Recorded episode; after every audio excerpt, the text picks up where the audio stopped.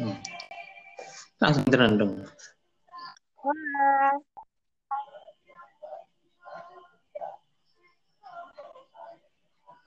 Eh, udah gabung. Udah mana road speakernya? Bang?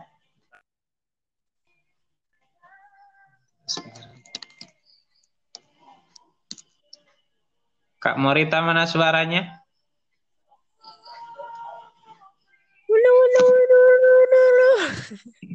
Kan masih bisa kalau pakai ini atau ini petunjuk bahwa aku harus ganti HP besok kak. Iya, coba aja Kak. Sekarang kan handphone sudah banyak variannya. Oh, gitu. Banyak yang model-model baru ya kak ya. Iya, ada yang bentuknya bulat, lonjong, jajar genjang. Layang-layang udah ketupat. Ini apa ini? Macam-macam. Akhirnya. Kita berjuang dari jam 10 kurang Halo sampai jam semua, 10 kembali lagi lagi di kita. podcast malam hari ini dengan tema yang sama seperti episode yang kemarin. Dan pada maksimal hari ini kita blablabla. Ini suara Mas Gilang bisa masuk nggak? A? Eh kak, Bisa, bisa. Fals Oh, bisa. banget kan suaranya, elik banget suaranya. Tuh kan? Aku juga percaya itu.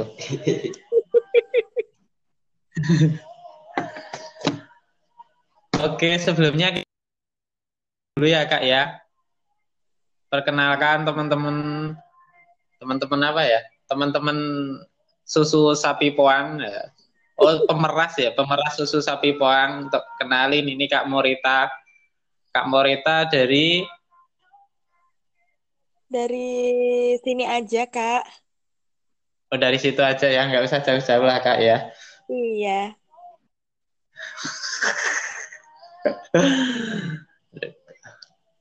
Kak, ini terus di sini juga ada AA Kirjo. Halo, selamat malam.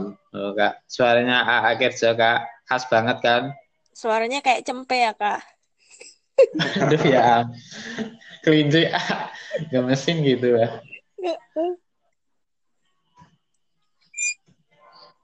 Sampai cap playboy, Kak. Capek ya.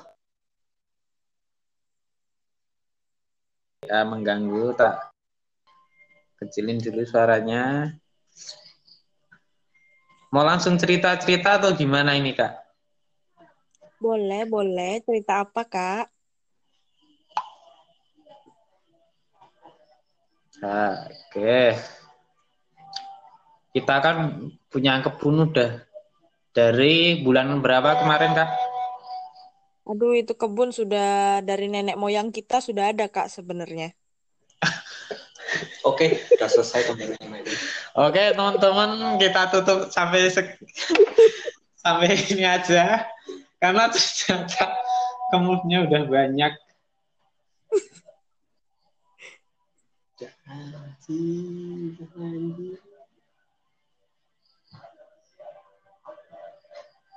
Ini beneran ditutup. Enggak, Kak. Ini kita punya kebun kebunnya kebun kita aku sama kamu, Kak, bukannya yang punya kamu sama nenek kamu itu. yang punya Siapa? kita, aku sama kamu. Iya, kita ya, Kak.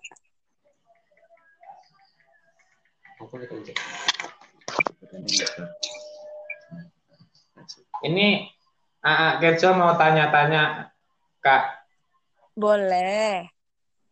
Udah kayak narasumber terpercaya aja ya, padahal hahaha doang ya.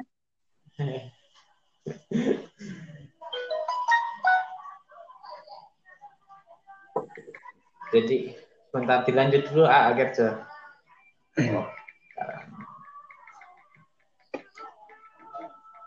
Oke, terima kasih Bang Mansur. Selamat malam Kak Morita. Selamat malam, Abang. Gimana kabar hari ini? Biasa aja. Tadi kan kita habis macul bareng. Ya lupa. Dengan seasli-aslinya. Tolong dong kalau podcast pura-pura nggak kenal, Kak. Iya, sukanya emang sok kenal gitu saya itu, Kak. Ntar kalau orang lihat kita nggak ada briefing. Yo, yo, apa lagi nih?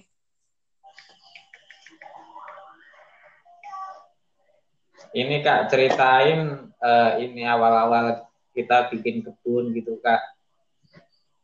Dari kita masih apa ke sana ke sini nyari lahan gitu rembuk-rembuk sama orang-orang kebun mana yang mau dijual gitu ceritain kak sama satu kita juga jadi awal kita itu gimana sih kok kita terus berpikir oh kayaknya kita harus bikin kebun deh sekarang gitu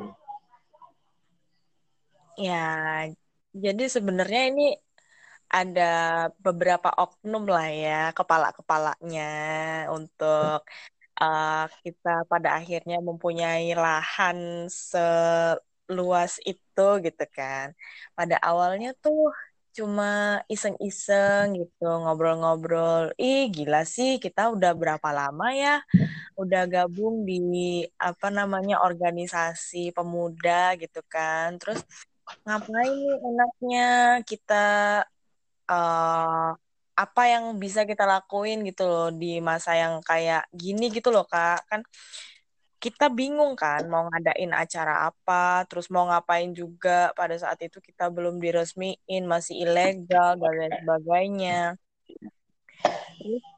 pada akhirnya ada obrolan tipis kenapa kita nggak berkebun aja toh kita di desa punya banyak banget lahan yang uh, nganggur gitu loh. Khususnya pada saat itu aku, aku mikirnya lahan di rumahku sendiri sih banyak banget yang nganggur gitu kan. Kenapa kita iya. nggak yeah. manfaatin kan dari diri kita sendiri dulu. Mm Terus pada akhirnya uh, apa namanya ide-ide itu kita kumpulin bareng-bareng, rembugan sama teman-teman. Yang satu pemikiran, terus nanti terus setelahnya kita apa namanya rembugan gede lagi, terus rembugan terus, rembugan aja isinya. Rembug kecil jadi rembug gede. Iya, terus rembug jadi bentrok gitu loh kak pada akhirnya. Iya. Jadi padu, padu sak gelute. Iya, Kak. Nah, terus uh, ngobrolin itu di mana sih, Kak? Di mana ya? Bingung juga, Kak. Aku udah lupa ya, udah satu tahun yang lalu kayak.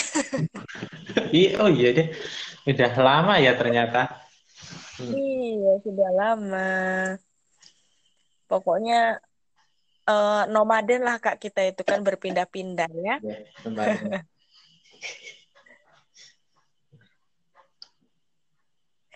Nah, pada akhirnya ide-ide untuk uh, berkebun itu kenapa kita semakin ke sini ya alhamdulillah sudah semakin kelihatan gitu loh. Apa yang kita tanam sudah kelihatan Kak.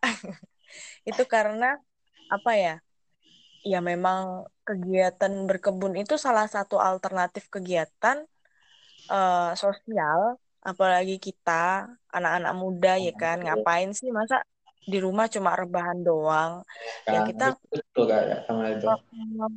kita kudu bisa memanfaatkan apa yang sebenarnya kita udah punya. Walaupun sebenarnya uh, secara kenyataan kita nggak punya sih. Berdasarkan realita ya kak iya.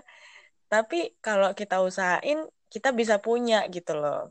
Nah, sekarang dengan berbagai macam rintangan yang sudah kita lewatin, pada akhirnya kita uh, diberikan kepercayaan oleh pihak desa untuk mengelola uh, lahan yang itu nggak produktif sebelumnya. Terus kita dengan semangat yang membara lalu mati enggak, enggak. dengan semangat yang membara-bara waktu itu mm-hmm. kita uh, babat alas ceritanya kak.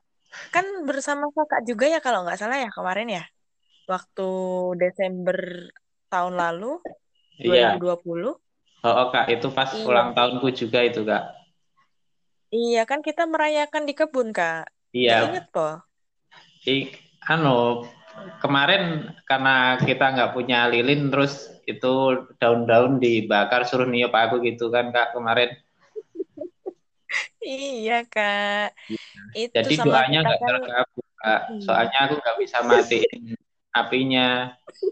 Doa-doa aku belum terkabul sampai sekarang.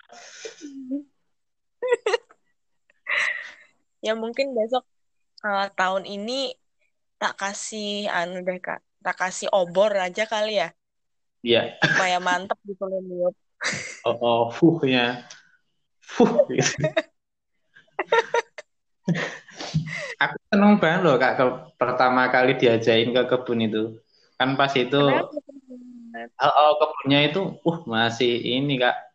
Masih kayak kita itu berada di kayak belahan dunia mana gitu loh. Enggak kayak di Argodadi gitu loh Kak. Iya, masih sangat rindang ya kak. Oh, rindangnya itu ah.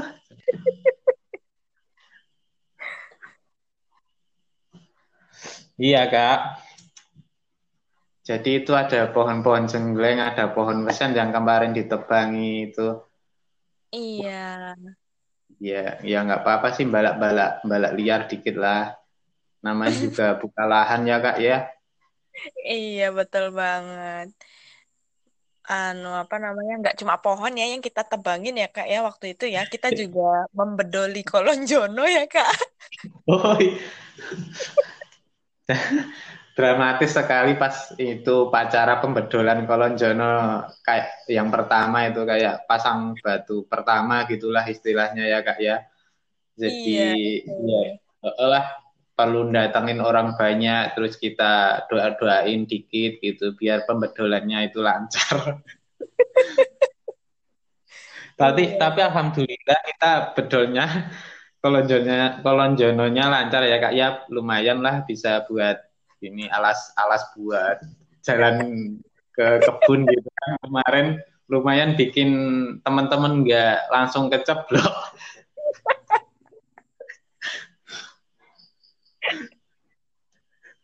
Iya kak, bener banget. Dan Pas. pada akhirnya juga kolon jononya dipungutin lagi kak sama warga.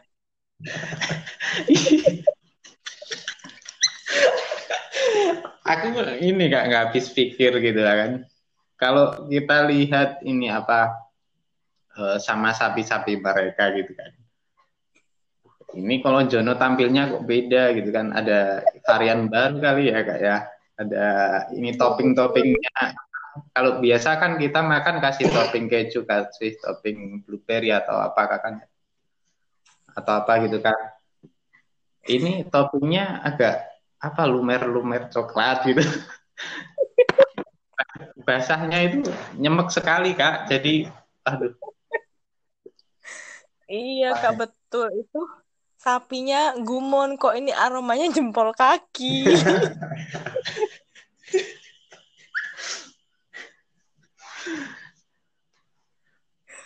Aduh, pokoknya pada saat itu pada eh, suatu apa ya kak? Eh, kegiatan yang membahagiakan ya kak ya. iya. Jadi apa? Piknik apa ya kayak piknik? Datang ke desa terus ikut nyeblok-nyeblok pura-pura nanam itu apa? Tandur pari itu loh kak yang di foto-foto Iya betul banget kak. Dan dari situ juga eh, hubungan silaturahmi kita, kekeluargaan kita dengan empunya kebun sebelah juga semakin raket ya kak. Alhamdulillah ya kak. Eh kak, ini kak dengar-dengar tadi ini kan yang kemarin nyapa-nyapa kita itu pas kita bedel Kolonjono kata kita udah baikan ya kak ya. Ya emang dari dulu baik sih. Cuman sekarang kita agak lebih baik kayak kakak adean gitu kan sekarang. Iya, betul banget, Kak. Kita disapa terus.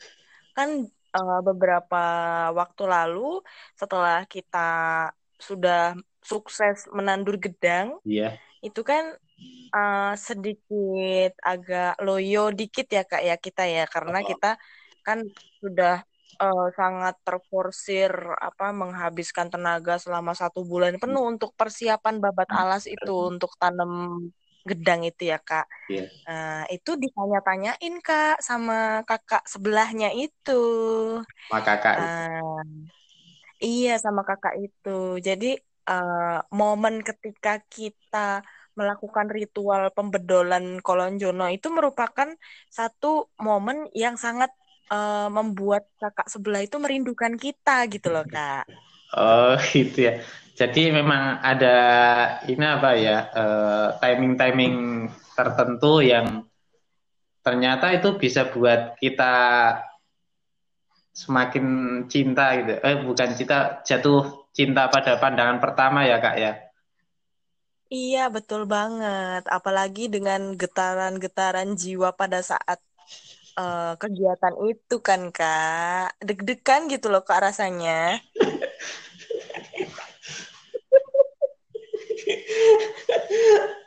bener sih bener ah, oke okay. ah tapi kan sekarang kan apa yang kita bicarakan dari beberapa malam itu kan kita bicara itu enggak hanya satu malam apa dua malam ya kak ya iya betul banget Bermalam-malam. sekarang kan kita kalau memang menciptakan kan udah terus apa yang Kak Morita harapin dari kebun yang sudah kita uh, laksanakan sampai hari ini kan yang namanya kita mencipta, menciptakan kan untuk mempertahankannya susah. Di balik itu semua kan dari program kebun ini ini kan jujur dari Karang Taruna, motor dari kebun kan Kak Morita sendiri. Apa yang Kak Morita yakinin kebun ini bisa bertahan untuk ke depan, tidak untuk periode kita. Karena kan besok di Karang Taruna juga kita mungkin kalau sudah waktunya kita sudah tidak aktif lagi. Jadi gimana itu kak? Ya, kalau dari saya sendiri sih harapannya ya Kak, yang pertama yang paling harapan yang paling deket nih, cita-cita yang paling deket dan paling urgent harapannya pisangnya berbuah dulu Kak. Betul, itu yang yang kita harapin dari awal. Iya, betul banget. Karena pada saat penanaman pisang itu beberapa teman-teman kita juga sudah apa ya mempersembahkan bibit-bibit pisang paling unggul di tempat mereka masing-masing kan Kak dengan apa namanya perawakan pohon pisang itu yang super jumbo. itu yang sangat subur. Kemudian kita juga menanamnya dengan uh, sang profesor pisang. Harapannya uh, kebun pisang kita yang merupakan apa ya langkah awal yang udah kita lakuin dan sejauh ini uh, sudah 98% tumbuh ya Kak. Matinya cuma satu karena bibitnya itu terlalu kecil yang apa namanya? Satu itu yang mati yang bentuknya seperti candi itu Kak itu mati satu. Yeah. Tapi sisanya semuanya itu hidup alhamdulillah. Sejauh ini sih kalau apa namanya uh, menurut saya dengan uh, melihat kenyataan dari kebun yang awalnya itu seperti hutan yang tidak terurus kayak kayak gitu saya sih uh, apa namanya bersyukur karena saat ini sudah bisa dilihat seperti kebun gitu loh meskipun tanamannya baru uh, be beberapa puluh pohon pisang. Nah, harapannya lagi ke depan karena sekarang kita juga udah apa namanya melakukan uh, kegiatan sedikit demi sedikit uh, menambah varietas tanaman di kebun kita. Harapannya kita juga uh, bisa menambah lebih banyak lagi karena uh, melihat apa namanya luasan kebun kita yang lumayan gede sekitar 1.700 meter itu tentunya bisa lebih apa namanya dioptimalkan lagi untuk uh, jenis tanaman, kemudian jumlah tanamannya juga karena kan masih terlihat sangat kosong Kak. Sekarang kan masih baru tanaman pisangnya doang yang terlihat seperti itu. Ya, gitulah Kak. Pokoknya harapannya ya kebunnya itu tetap apa namanya? tetap bertahan kebun pisangnya, kemudian kita bisa menambahkan varietas baru, kemudian uh, yang paling uh, saya harapkan ya, putus, putus, itu nih. halo, kok halo ya, halo kak? Ya. Iya, sore sore, putus-putus. Soalnya kita podcast di tempat yang agak jauh dari pemukiman, Kak. Susah ini. Kak apa-apa. Kak apa-apa, Kak. Masih di Indonesia, kan? Iya, ini bagian berat ini, Kak.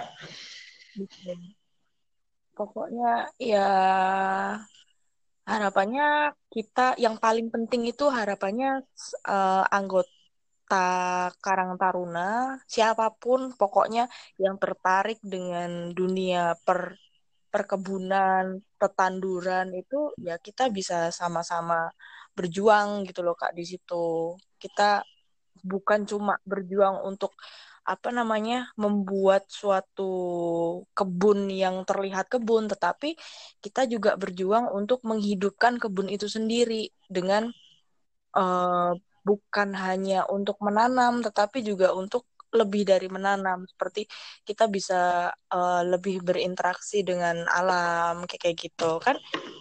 Tentunya uh, alam itu kan ya apa yang kita lihat sekarang apa yang kita tempatin sekarang itu kan alam. Kalau kita nggak deket sama alam terus kita ngapain gitu loh di sini? Harapannya ya dari kebun itu kita bisa mendapatkan apa yang memang kita uh, perlukan gitu loh apa pun. Seperti itu kak kalau dari saya. Oke mantap banget kak. Mantap sih. Tapi kan memang dari semua kegiatan yang dilakukan di kebun karena kita juga di era yang teknologi juga sudah maju katanya nih kebun kita punya sosial media ya iya kak oh iya kalau boleh tahu namanya apa kak? Oh, kak Instagram nanti, atau apa? Aku nanti mau follow IG-nya itu dong. Apa? Kebun pisang ya? Apa nama nama lengkapnya? Kebun uh, untuk Instagramnya pada saat ini kita masih baru apa namanya membuat Instagram ya kak ya. Namanya Kebun Produktif Satria Bakti. Itu bisa di follow dulu kak. Masa sih belum follow kita? Di situ kita uh, sharing-sharing kegiatan apa aja yang kita lakuin di kebun kak. Jadi uh, semua kegiatan kita tercover di situ. Oke, begitu kak Oke, kalau misal teman-teman nih kak mau udah follow IG-nya kebun produktif Satria Bakti ini, kalau mereka mau gabung sama kita, eh, enaknya lewat apa? DM IG atau apa kak? Kalau untuk gabung atau tanya-tanya terkait dengan kegiatan kita bisa DM, terus juga di bio Instagram itu juga ada kontak personnya Kak. Itu WA dari anggota kebun, jadi bisa bisa WA, bisa DM juga karena DM pun kita fast respon kon Kak. Hehehe. Oke Kak sampai saat ini kita udah punya berapa variasi tanaman sih kak di kebun itu? Untuk saat ini uh, yang kita tanam ya kak ya, yang kita tanam itu ada lima baru baru baru lima varietas tanaman. Yang pertama tentunya pisang. Pisang pun juga ada beberapa jenis pisang. Ada pisang kepok kuning, ada pisang raja, uh, ya pisang raja, kemudian ada pisang Ambon. Terus kita juga punya pisang uh, Ambon Tandan dua. Kemudian uh, varietas lain kita uh, punya apa itu namanya waru, tanaman waru itu kak yang biasanya untuk uh, bonsai kan. Oh, itu ya. Itu kita pohon perindang ya. Iya, waru. Pohon Apa? rindang ya? Iya, Oh betul. iya Kak. Nah, itu tadi waru. AA Gilang pamit nih, pamit mau pulang dulu tadi. Oh iya, hati-hati Bang Gilang. Oke, sip. Hati-hati Bang Gilang. Ya, gitulah. Oke, kita lanjut ke kebun ya, Kak ya. Terus Iya, terus uh, untuk tanaman warunya sendiri kita juga punya dua jenis Kak. Ada wa waru yang daunnya warna hijau sama waru yang daunnya warna merah. Nah, kemudian selain waru kita juga baru menambah varietas tanaman di kebun kita. Baru aja tadi kita uh, melakukan kegiatan penanaman uh, tanaman jahe dan uh, cabai rawit di mana cabai rawitnya itu kita punya tiga jenis kak ada cabai rawit ori cabai rawit cemplu sama cabai rawit eh cabai Cabai apa itu yang hijau eh bukan ya? Kecil hijau bukan yang bisa merah. buat gorengan.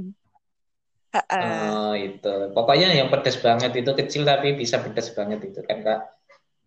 Yang biasa nah itu cabai yang biasanya buat gorengan Mm-mm. Nah, kemudian juga sebetulnya di kebun di kebun kita itu sudah ada beberapa jenis eh, rimpang-rimpang Kak, seperti kunyit, kemudian ada temulawak, terus ada temu ireng, terus ada apa itu yang rimpang yang bunganya susun-susun merah itu saya lupa namanya. Itu juga sudah ada di kebun kita. Jadi sebenarnya kebun kita itu sejak dulu sudah ada beberapa jenis rimpang-rimpangan itu, Kak. Sehingga PR untuk kita eh, pengurus kebun produktif itu gimana caranya kita bisa memanfaatkan tanaman yang sudah ada sebelumnya di situ karena sebenarnya semua tanaman itu tuh kalau kita kaji lebih jauh itu punya manfaatnya masing-masing, Kak, gitu. Oh, jadi kemarin itu pas kita datang kayak lihat kebun kok kayak gini sih. Oh, ternyata di situ itu enggak seperti yang cuma kita lihat kayak kayak apa namanya? kayak enggak keurus gitu ya. Ternyata di situ malah udah ada banyak tanaman yang sebenarnya itu banyak manfaatnya gitu ya, Kak ya. Iya, betul, Kak. Oke. Jadi tadi udah tanam jahe, udah tanam lombok, udah tanam bunga-bungaan, pisang juga. Terus eh, next time ini planningnya apa lagi, Kak? Yang terdekat aja sih. Ya, kemudian untuk uh, rencana yang paling terdekat untuk kegiatan kebun kita, kita juga uh, punya kegiatan yang berlanjut Kak dari penanaman jahe dan cabai pada hari ini kita lanjutkan pada hari Minggu besok tanggal 28 Maret itu kita rencananya akan menanam uh, singkong sayur dan bunga refugia, Kak. Itu untuk menunjang si tanaman-tanaman yang udah kita tanam hari ini juga. Nah, kenapa kita memilihnya singkong sayur dan bunga refugia? Nah, singkong sayur, singkong yang namanya tanaman singkong itu kan yang pertama mudah ditanam, oh, Kak, bener kemudian uh, iya betul. Terus perawatannya itu uh, sangat mudah, nggak dirawat pun udah hidup gitu kan kak, apalagi Apalagi dirawat. Nah, kenapa uh, uh, kenapa kita memilih singkong sayur? Alasannya yang pertama harga jualnya lebih tinggi kak daripada singkong-singkong yang lain, dan kan yang di kita panen nanti itu daunnya. Nah, uh, karena yang dipanen nanti daunnya otomatis kan uh, apa namanya waktu panennya semakin oh, iya, singkat. Bener, bener, Jadi bener kita banget. bisa karena jadi kita bisa kita bisa mengatur kapan kita mau panen dengan uh, kita banyak cara sebenarnya untuk membuat kita dapat mengatur sistem panennya nanti. Bisa kita tanamnya secara uh, berjangka waktu, seperti misal hari ini kita tanam, kemudian minggu depan kita tanam, sehingga uh, nanti uh, uh, waktu panennya bisa satu minggu sekali, atau kita juga bisa menanamnya bareng, tetapi nanti kita panennya uh, kita atur nanti mau setiap hari atau mau beberapa hari sekali itu tergantung dengan jumlah yang mau kita panen. Sekali panen kita mau langsung dapat banyak atau mau sedikit-sedikit tetapi continue. Itu nanti tergantung kita. Itu alasan kenapa memilih singkong sayur. Dan Apakah? juga ini Kak, uh, yang paling apa ya menguntungkan dari penanaman singkong sayur itu karena kita menanam satu kali tetapi kita bisa uh, panennya selamanya kak sampai oh iya benar juga sih ya. Iya, jadi kita terus panen kita terus kak ambil, sekali terus selesai kita itu enggak ya karena itu bisa kuncup lagi, ber, pupus lagi, terus bisa kita panen lagi, pupus lagi, panen lagi gitu ya kak ya. Iya betul kak, kita yang enak tanamannya yang tersiksa ya kak.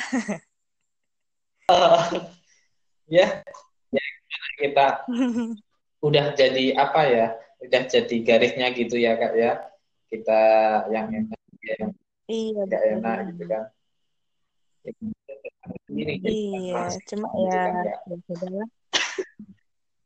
Hmm, betul banget. Oke, yang kedua tadi apa kak? Nah, terus bunga. Iya, yang kedua itu kita mau bunga Apa refugia kak? Bunga refugia itu bunga bisa refugia. dikasih ejaan apa gitu? Bisa biar aku ini mau sekalian mau lihat di Google gitu kak. Kayak apa misalnya gitu? Oh ya bunga refugia. Refugia ya kak ya? Oke lanjut kak. Iya. Jadi itu tuh uh, jadi bunga refugia itu tuh sebenarnya sebutan kak. Jadi untuk bunga-bunga yang punya warna mencolok seperti bunga matahari, terus bunga zinia. Bunga zinia itu kita biasa sebutnya bunga kertas yang biasanya bunganya merah kuning putih gitu loh kak di pinggir jalan. Terus bunga-bunga marigold itu. Nah kenapa kita menanam bunga-bunga refugia itu penting di kebun kita? Karena kita pada hari ini sudah menanam tanaman cabai di mana tanaman cabai itu eh, berdasarkan pengalaman saya beberapa kali menanam tanaman cabai itu cabai punya hama yang lumayan agak banyak kak jadi kita harus uh, gimana caranya kita menarik si menarik perhatian hama itu supaya tidak uh, mengganggu oh, tanaman gitu. cabai kita salah satu caranya salah satu caranya kita menanam tanaman yang dapat menarik perhatian si hama itu supaya mereka tidak ke tanaman utama kita yaitu cabai, tetapi mereka si hama itu akan berkumpul di tanaman refugia oh, itu. Begitu. Jadi seperti mm -mm, seperti kita memberikan jebakan tetapi juga bukan jebakan oh, gitu, Kak. Tapi secara alami, secara memang pada ekosistemnya itu tugas mereka oh, iya. gitu Kak. Bagus bagus tersebut. Ini bisa buat info teman-teman juga. Jadi kalau kita nanam cabai biar kita hamanya nggak banyak itu perlu satu uh, urutan bukan rantai makanan sih kak. Apa apa namanya? Rantai kehidupan bukan ya? Ada yang di situ ada suatu tambahan lagi biar mereka kompleks hidupnya ya kak ya Iya bener banget. Jadi kita memberikan apa ya kak, uh, cobaan hidup buat mereka. oke oke masuk sih kak masuk. Agak-agak ralat sedikit nih kak. Jadi bunga refugia itu tadi saya jelasinnya si hama yang tertarik ke bunga refugia ya. Nah saya sedikit ralat. Jadi si bunga refugia ini mereka itu akan menarik perhatian predator, predator yang akan memakan si hama-hama yang uh, berada di sekitaran tanaman utama kita. Jadi seperti kumbang, kupu-kupu, terus uh, apa lagi ya? Uh, pokok men sejenis itu itu mereka tuh akan apa namanya banyak di sekitaran tanaman-tanaman atau bunga-bunga yang memiliki aroma menyengat atau uh, warna-warna mencolok. Nah itu mereka hmm, warna yang terang cerah banget kayak bunga kenikir itu kan warnanya oh, oh, kuning kan? banget. Nah itu tuh nanti itu... Uh, menarik perhatian. Iya itu baunya juga ini kak cukup mengganggu mengganggu buat manusia mungkin bisa iya, menarik buah mama ya kak ya iya bisa begitu kak. Oke. Terus apa ya kak ya? Ini tadi udah sampai oh, ada lagi nggak kak? Tips-tipsnya kita nanam menanam cabai itu biar hidupnya lebih tenang gitu.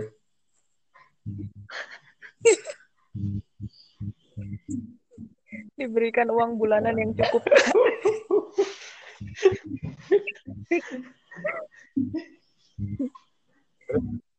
Kalau buat tips untuk uh, menanam cabai yang baik dan benar, mungkin saya kurang begitu memahami ya kak. Tapi kalau berdasarkan dengan pengalaman yang uh, pernah menanam cabai itu sebenarnya nggak susah-susah banget sih kak buat tanaman cabai itu asal kita tuh bisa memastikan kalau si cabai itu dapat cahaya atau sinar matahari yang cukup. Kemudian juga uh, air yang cukup, tidak berlebihan tetapi tidak kurang juga. Terus kita juga harus memastikan bahwa uh, pupuk atau nutrisi yang kita berikan ke tanaman cabai itu cukup juga kayak kayak gitu kak soalnya uh, si tanaman cabai itu tuh biasanya penyakitnya tuh ada beberapa macam contohnya tuh kayak layu fusarium kak. Itu kalau layu fusarium tuh bagi apa ya kalau bagi saya itu tuh hama yang paling menyakitkan sih. Bukan hama juga sih penyakit pada tanaman cabai yang paling membuat kita tuh sebel. Karena nek layu fusarium tuh tanaman cabenya layu dari akarnya kak. Jadi benar-benar mati. Dan itu harus diganti. Oh, berarti dia nah, ya, kemudian ya? Dari bawah dapat dapat serangan dari bawah tanah gitu ya kak iya kak jadi nggak kelihatan terus tiba-tiba nah. kek gitu Iya, tiba-tiba kayak layu kuning gitu terus mati. Itu kalau layu fusarium. Terus uh, banyak hama-hama kayak ulet, terus ada kayak kutu-kutu putih. Itu kalau di cabai kutu putih itu paling menyebalkan kak, bolak-balik dia. Itu jadi jadi kudu bener-bener dirawat kalau udah kena si apa kutu putih itu. Tapi kar karena kita di kebun uh, produktif Karang Taruna itu uh, kita komitmen bahwa kita menggunakan ya udah kita full organik. Jadi nanti perawatan si cabai-cabai kita yang udah kita tanam itu kita bener-bener pakai bahan-bahan alami kak. Jadi semua kayak pestisida, terus pupuk pupuk yang kita gunakan itu semuanya dari alam. Begitu kak. Untuk pupuknya kita pakai uh, pupuk kandang ya kak ya, kandang kambing dan untuk tanahnya kita menggunakan tanah kali. Terus kita juga uh, menggunakan campuran sekam kayak gitu Kak untuk porositas dari tanahnya. Terus kalau untuk pestisida nabati nanti kita membuat sendiri Kak karena kita juga udah mempelajari beberapa uh, ramuan apa namanya pestisida nabati dan juga sudah dipraktekkan oleh beberapa teman yang memang uh, konsentrasi atau fokusnya di kebun kita itu di bagian uh, pestisida nabatinya kak kayak gitu. Jadi kita sudah sudah persiapan sih Kak untuk uh, perawatan dari tanaman-tanaman kita di kebun gitu Kak. Jadi memang uh, teman-teman ini bagi-bagi tugasnya udah lengkap banget ya Kak ya. Ada yang bagian penyiangan, ada yang bagian tanam menanam, udah ada yang mikirin soal pupuk dan sampai pestisidanya Kak. Gitu ya Kak ya. Iya betul banget kak. Soalnya kalau misalnya nggak dibagi kayak gitu tuh rada nanti tugas-tugasnya ngumpul kak bingung iya, nanti kita kerjanya oh gitu ya oke jadi kita sudah setahun kita jalan di kebun eh enggak jalan di kebun sih apa kebun kita jalan gitu ya menjalani berkebun. Iya, terus ya gitu. Uh, banyak banyak hal-hal yang seru di sana juga ya kak ya. Terus juga bisa buat kita ngumpul kadang kita siang-siang nyantai di sana cari angin gitu ya kak. Karena memang kebun kita itu secara tempat itu sangat strategis banget ya kak ya. Kemarin kemarin ada, iya, ada yang kak. cari sunset di sana. Oh iya kak. Iya itu yang cewek tinggi itu kak agak kurus kemarin aku lihat foto-foto di sana. Siapa enggak? Terus pagi-pagi ini cari cari apa ya nggak tahu pagi-pagi tapi foto-foto juga sih kayak memang lagi iya. ini lagi trennya kita itu lagi ke foto yang ke tempat-tempat yang kayak gini. Iya kak, ya, di kebun-kebun gitu ya Terus, kak ya. Uh, oh iya, besok minggu kita acara jam berapa jadinya kak? Untuk acara besok minggu itu sore ya kak ya jam setengah empat sore itu mulai acaranya kegiatan kita. Setengah empat sore ya kak. Iya. Lanjutin. Iya, Kak. Yang ini tahap kedua, nanam tahap kedua kita mau nanam nanam apa aja, Kak? Tahap kedua kita. Untuk tahap kedua kita nanam ini Kak, singkong sayur sama bunga ya, tadi ini. itu Kak. Ya buat nge-refresh ingatan teman-teman yang lagi dengerin podcast ini. Ayo kalau teman-teman besok mau ngeluangin waktu datang ke kebun buat nanam singkong sama bunga rafe apa kak? Raffegia raffegia bunga refugia kak terus ini kak dari kemak tadi kan ada ini kabar kayak gini kak e, dari si UKSPM kan ada kegiatan bakti bukan bakti sih apa ya santunan karena kemarin dari UKSPM itu dapat tawaran santunan program santunan anak yatim dari Yayasan Pemupuk Mimpi Kak. Terus rencananya teman-teman UKSPM itu mau ini mau uh, ngajak adik-adik